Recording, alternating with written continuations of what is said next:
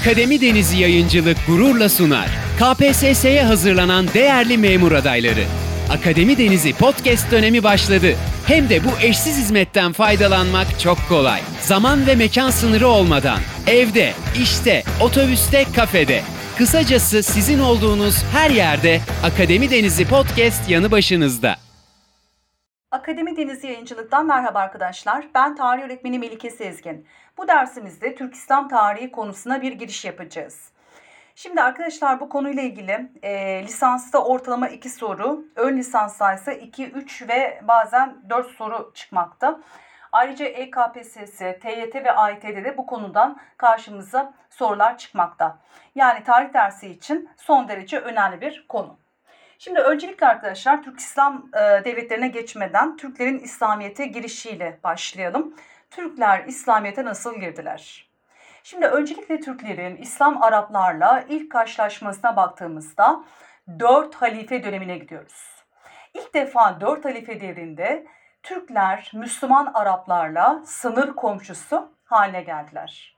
Hazreti Ömer zamanında Sasanilerle yapılan Kadisiye ve Nihaven savaşlarıyla Sasanilere son verilmiş. Müslümanlar İran, Irak'ı ele geçirince ilk defa Müslüman Araplarla Türkler sınır komşusu haline gelmişlerdir. Arkasından Hazreti Osman zamanında Türklerle İslam Araplar arasında ilk çatışmalar başlamıştır. Özellikle Hazarlarla Müslüman Araplar arasında bu dönemde yaşanan çatışmalar var. Emeviler dönemine geldiğimizde yoğun bir şekilde Türk-Arap savaşları görmekteyiz. Türk-Arap savaşlarının temel nedeni Mavera Ünnehir egemenliğiydi. Mavera Ünnehir'de Türkler yaşamaktaydı ve Müslüman Araplar burasını ele geçirmek istemekteydi.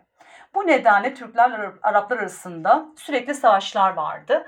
Ayrıca Türkleri Müslüman Araplardan uzaklaştıran bir diğer etken Emevilerin izlemiş olduğu ırkçı politikaydı. Emevilerin Arap milliyetçiliği yapması ve Arap olmayan diğer Müslümanların küçük görmesi, onlara kötü davranması bu dönemde Türk-Arap ilişkilerini olumsuz yönde etkilemiş ve Türklerin İslamiyet'i benimsemesini e, engelleyen durumlardan birisi olmuştur. Emevilerden sonra Abbasiler devri başlamış ama Abbasiler Emeviler gibi ırkçılık yapmamışlardır. Abbasiler için ırk önemli değil, önemli olan Müslüman olmasıydı. Ve şimdi Abbasilerin Emeviler gibi ırkçılık yapmaması, ümmetçilik yani İslam kardeşliği ve hoşgörü anlayışını benimsemesi, Arap olmayan Müslümanlara iyi davranmaları bu dönemde Türk-Arap ilişkilerinin iyileşmesine yol açmış ve artık Türkler Abbasiler zamanında İslamiyet'i kabul etmeye başlamışlardır. Özellikle arkadaşlar Abbasiler zamanında yapılan bir savaş var. Çok önemli bir savaş. 751 Talas Savaşı. Talas Savaşı Müslüman Arapların yani Abbasilerin Çinlilerle yaptığı bir savaştır. Savaşın nedeni Çinlilerin Orta Asya'yı ele geçirmek istemesi ve Müslüman Arapların da buna engel olup bu bölgede İslamiyet'i yayma düşüncesidir. Ve şimdi yapılan bu savaş esnasında Türkler Müslüman Araplara yardım etmişler ve Türklerin yardımıyla beraber savaşı Abbasiler kazanmıştır. Burada özellikle arkadaşlar işte Türkler yardım ettiler derken e, Karluk Türkleri. Daha önce bahsetmiştik İslamiyet'i benimseyen ilk Türk toplumu Karluklar demiştik. E, Karluk Türkleri kendileri Müslüman olmamasına rağmen Çin'in Orta Asya'yı ele geçirmesini engellemek için bu savaşta Müslüman Araplara yardım etmişler, destek vermişler ve Karlukların yardımıyla savaşı Abbasiler kazanmıştır. Ee, peki bu savaşın önemi nedir? Yani sonuçları nelerdir dediğimizde Şimdi öncelikle Çin'in Orta Asya ele geçirmesi engellenmiş oldu.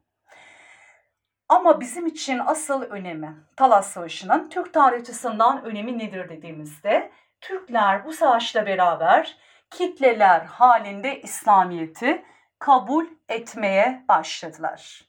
Ve İslamiyet'e geçen ilk Türk toplumu da Karluklar oldu.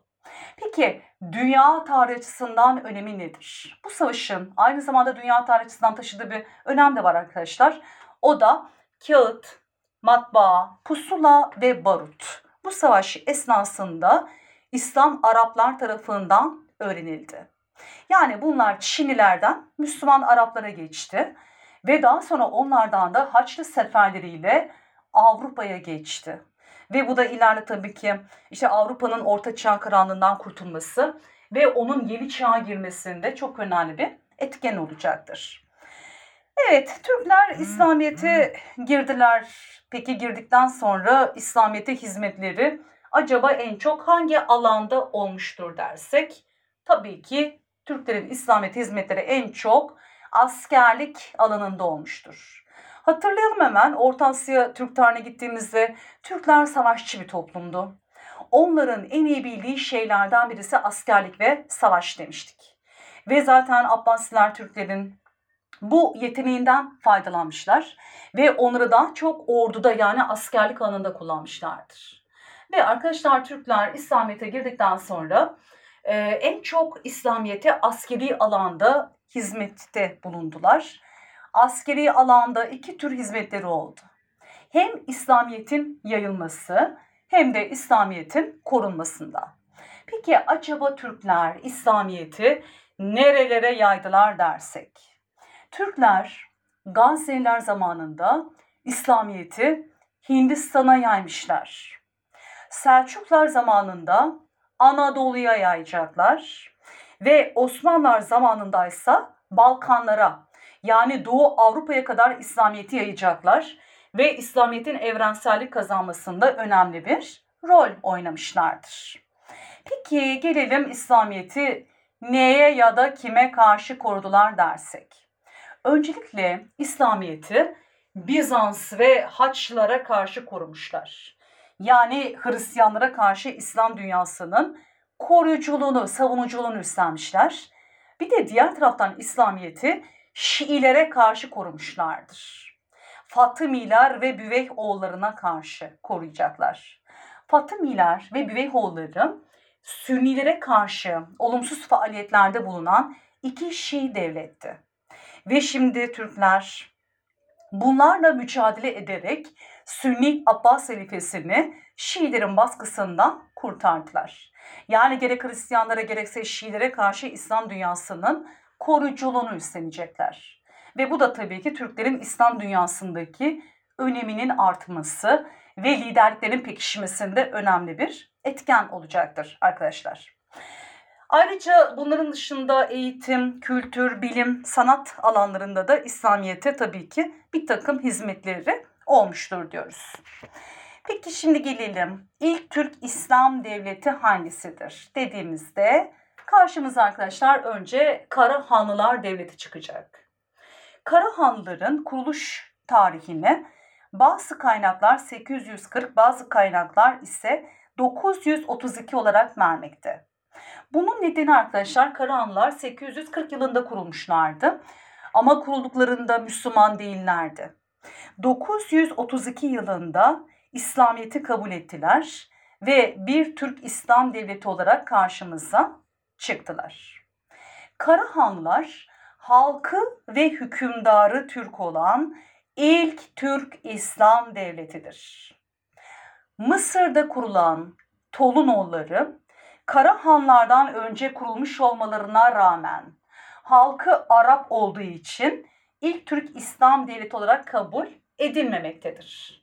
Ama Karahanların halkı da hükümdarı da Türk ve bu nedenle ilk Türk İslam devleti olarak karşımıza Karahanlılar Devleti çıkmaktadır. Karahanlılar 840'da Uygurlardan ayrılarak bağımsız oldular. Kurucusu Bilge Kül Kadir Han'dır. Bilge Kül Kadir Han tarafından kurulan bir devlet. 932'de Abdülkerim Satuk Buğra Han zamanında Müslüman oldular. İslamiyet'i kabul ettiler. Peki Karahanlar Devleti kimler tarafından kuruldu dersek tabii ki Karluk, Yama ve Çil Türkleri tarafından Mavera Ünnehir'de yani Orta Asya'da kurulan bir devlettir.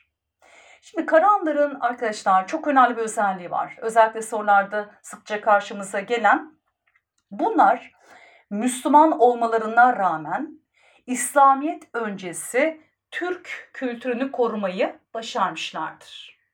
Yani Orta Asya Türk kültürünü yaşatmaya devam ediyorlar Karahanlar.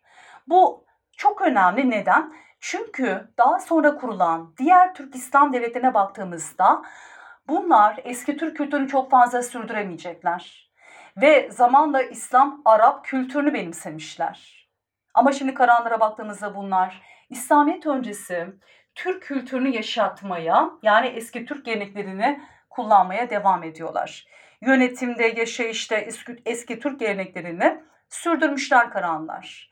Peki acaba buna kanıtlarımız var mıdır dersek? Tabii ki var.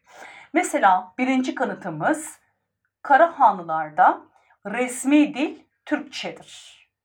Bu önemli çünkü daha sonra kurulan diğer Türkistan devletine baktığımızda karşımıza resmi dil olarak Arapça ya da Farsça çıkacak. Ama şimdi Karahanlar Türkçeyi kullanmaya devam ediyorlar. İkinci kanıtımız e, bu dönemde yetişen, bu dönemde yaşayan bir bilim insanı var. E, Yusuf Has Hacip. Yusuf Has Hacip'in yazdığı Kutatku Bilik adlı eser Uygur alfabesiyle yazılmıştır. Bu da bize ikinci bir kanıt teşkil eder. Hatırlayacak olursak İslamiyet öncesinde Türkler iki tane alfabe kullanmışlardı. Göktürk ve Uygur alfabesi. Ve şimdi Karahanlar Türk alfabesini kullanmaya devam etmişler. Ve Kutatku Bilik adlı eser Uygur harfleriyle yazılmış. Peki üçüncü kanıtımız nedir? İslamiyet öncesi Türkler hükümdarlarına Han, Hakan gibi ünvanlar vermişlerdi. Ve şimdi Karahanlar bu ünvanları kullanmaya devam ediyorlar. Onlar hükümdarlarına Han, Hakan sanlarını vermişler. Bu da bize üçüncü kanıt. Dördüncüsü ise arkadaşlar e, onlarda veraset anlayışı yani kut inancı devam ediyor eski Türklerde gördüğümüz. Yani ülkenin hanedanın ortak malı olduğu anlayışı Karahanlarda da devam ediyor. Kut inancı vardı. Yani eski Türklerden gelen bir anlayış bu kut inancı. Hükümdara devleti yönetme gücünün Tanrı tarafından verildiğine inanılırdı. Ve bu gücün hükümdarın çocuklarına, işte oğullarına, ailenin bütün erkeklerine geçtiğine inanıyorlardı. Yani hanedan mensuplarının hepsi devlet yönetme yetkisine sahipti. Tanrı hükümdar ailesini kutsamıştır. Ve ailenin bütün erkeklerine bu gücün geçtiğine inanırlardı. Ve bu da veraset sisteminin temelini oluşturmuştur. Peki bu ülke hükümdar ailesinin ortak malı anlayışı neye yol açar? Hükümdar öldükten sonra taht kavgalarına neden olur ve devletlerin kısa zamanda zayıflayıp yıkılmalarının en önemli e, nedeni olmaktaydı. Ve şimdi bu veraset sistemi Karahanlarda da devam ediyor. Ama özellikle arkadaşlar şunu da belirteyim. Veraset anlayışının devamı sadece Karahanlara özgü değildir. Karahanlardan sonra da kurulan diğer Türk İslam devletlerinde Memlükler hariç Osmanlı'ya kadar bu anlayış devam edecektir. Ve şimdi Karahanlar e, ülkeyi hanedanın ortak malı saymaları sonucunda kendilerinden önceki Türk devletlerinde olduğu gibi Doğu ve Batı Karahanlar olmak üzere ikiye ayrılmışlardır. Doğu Karahanlar 1130'da Kara Hitaylar tarafından yıkılmış, Batı Karahanlar ise 1212'de Harzem Şahlar tarafından yıkılmışlardır. Şimdi artık Gaznelilerden, e, Karahanlardan sonra karşımıza Gazneliler çıkacak arkadaşlar. Ama Gaznelilere geçmeden öncesi Karahanlar dönemine ait olan bir takım önemli eserler var. İşte kaleme alınan e, bazı önemli eserler. Bunlar neler? Bunlar hakkında biraz bilgi vermek istiyorum. E, mesela en başta Kutatku Bilik geliyor karşımıza. Kutatku Bilik, Yusuf Has Hacip tarafından yazılan ilk Türkçe siyasetnamedir. Mutluluk veren bilgi anlamına gelir. Yusuf Has Hacip tarafından Doğu Karahanlı hükümdarı Tapkaç Ulu Kara Buğra Han'a sunulmuştur. Eserde adaleti, aklı, saadeti ve devleti temsil eden dört kahramanın çevresinde gelişen olaylarla yazar, devlet idaresinin ve sosyal düzenin nasıl olması gerektiğini anlatmıştır. Kutatku Bilik'ten sonra karşımıza yine önemli bir eser Divanı Lügati Türk çıkıyor. Divan Lügati Türk Kaşgarlı Mahmut tarafından yazılan Türkçe-Arapça sözlüktür. Bu kitabında eserinde Kaşgarlı Mahmut, Türkçenin Arapçadan daha üstün, daha güzel bir dil olduğunu göstermek istemiştir. Divan Hikmet Ahmet Yesevi tarafından yazılmıştır. Türk tasavvuf edebiyatının bilinen en eski örneklerini içeren kitaptır. Sonra arkadaşlar Kutatku Bilik, Divanı Lügati Türk ve Divanı Hikmet'ten sonra karşımıza yine Karanlar Devri'ne ait olan diğer bir eser Atabeytül Hakayık çıkıyor. Atabeytül Hakayık Edip Ahmet Yükneki tarafından yazılmış bir öğüt ve ahlak kitabıdır. Gerçeklerin eşiği anlamına gelir. Didaktik yani öğretici bir eserdir. Evet bu eserleri de arkadaşlar verdikten sonra artık Karanları bitiriyoruz ve karşımıza ikinci Türk İslam Devleti olarak Gazze'liler Devleti çıkıyor. Gazze'liler Devleti bugünkü Afganistan ve İran topraklarında 963 yılında kurulmuş bir devlettir. Yani Karanlarla aynı dönemde hüküm süren bir devlettir diyoruz. Bu devletin başkenti Gazne'dir. Devlet adını bu kentten almıştır. Gazze'lilerin kuruluşu diğer Türk İslam devletlerinden biraz farklılık göstermektedir. Ee, Samanoğulları İran bölgesinde kurulan bir tavaifi müluk devletiydi. Abbasilerden ayrılarak kurulan bir tavaifi müluk devleti. Ve Samanoğulların Herat valisi Alptekin adlı Türk komutan Samanoğulların içinde bulunduğu durumdan yararlanarak bağımsızlığını ilan etmiş ve Gazze'liler devletini kurmuştur. Burada öncelikle e, bir kıyaslama yapmak istiyorum Karanlarla. E, mesela Karanlar için ne demiştik arkadaşlar? Bunlar Müslüman olmalarına rağmen eski Türk kültürünü korumayı başardılar. Ama Gazze'lere baktığımızda bunlar İslamiyet öncesi Türk kültürünü korumayı, koruyamadılar, çok fazla sürdüremediler ve İslam Arap kültürünü benimsediler. Peki acaba Gazze'lilerin İslam Arap kültürünü benimsediklerine kanıtlarımız var mıdır dersek? Tabii ki buna da var. Mesela bir kanıtımız e, resmi dilleri Arapçadır Gazze'lilerin. Karanlarda resmi değil Türkçe demiştik ama Gazze'lilerde karşımıza Arapça olarak çıkmakta. Ee, sonra ikinci bir kanıtımız Karahanlılar hükümdarlarına Han, Hakan gibi ünvanlar vermişlerdi eski Türklerde olduğu gibi.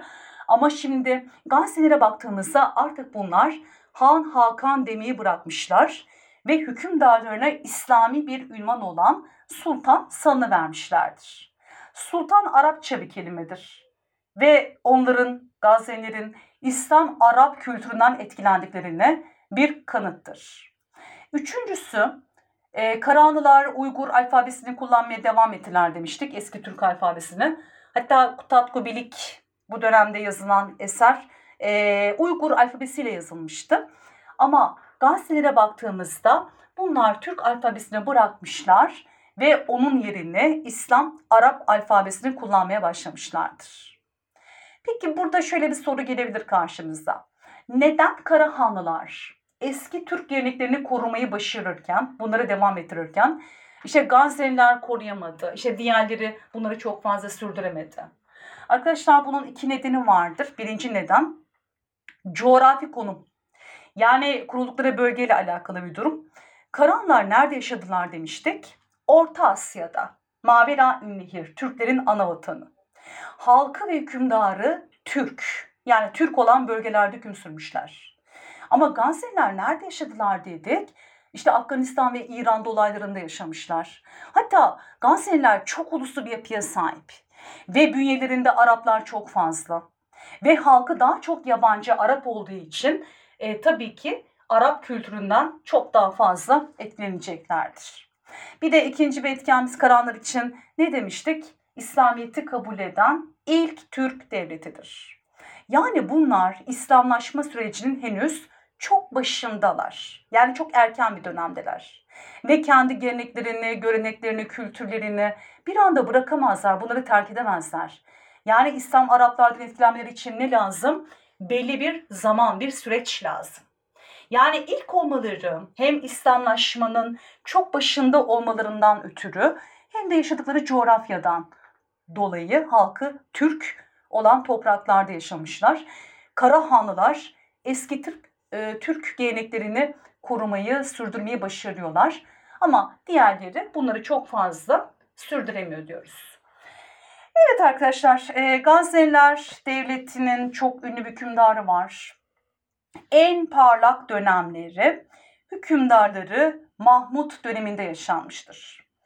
Gazneli Mahmut Hindistan'a 17 tane sefer düzenlemiş ve İslamiyet'in Hindistan'a kadar yayılmasını sağlamıştır. Bir de ayrıca onun zamanında Abbasi halifesi, Sünni halife Şii Büveyh oğullarının baskısı altındaydı. Ve bu nedenle Gazili Mahmut'tan yardım istedi.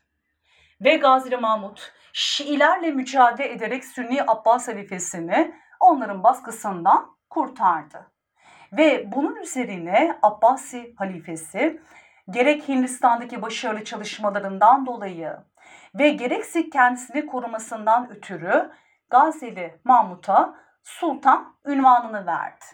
Ve böylece tarihte sultan sanını kullanan ilk Türk hükümdarı Gazeli Mahmut oldu.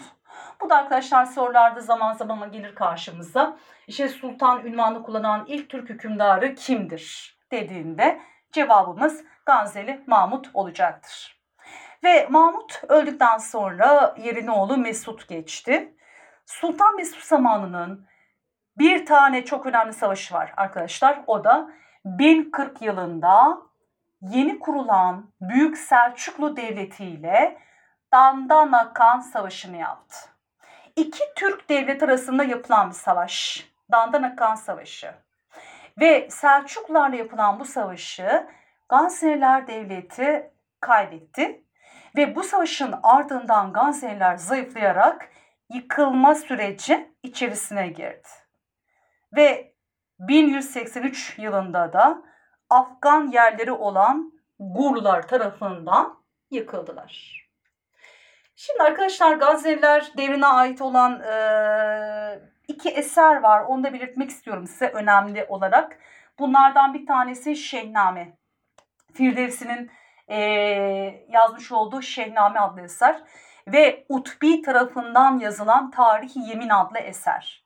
Her ikisi de Gazeli Mahmut'a sunulan eserlerdir.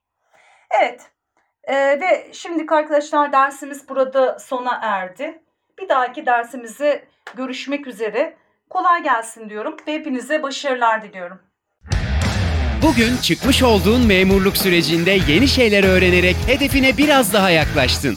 Akademi Denizi Yayıncılık olarak her zaman yanındayız. Yeni bir derste görüşmek üzere.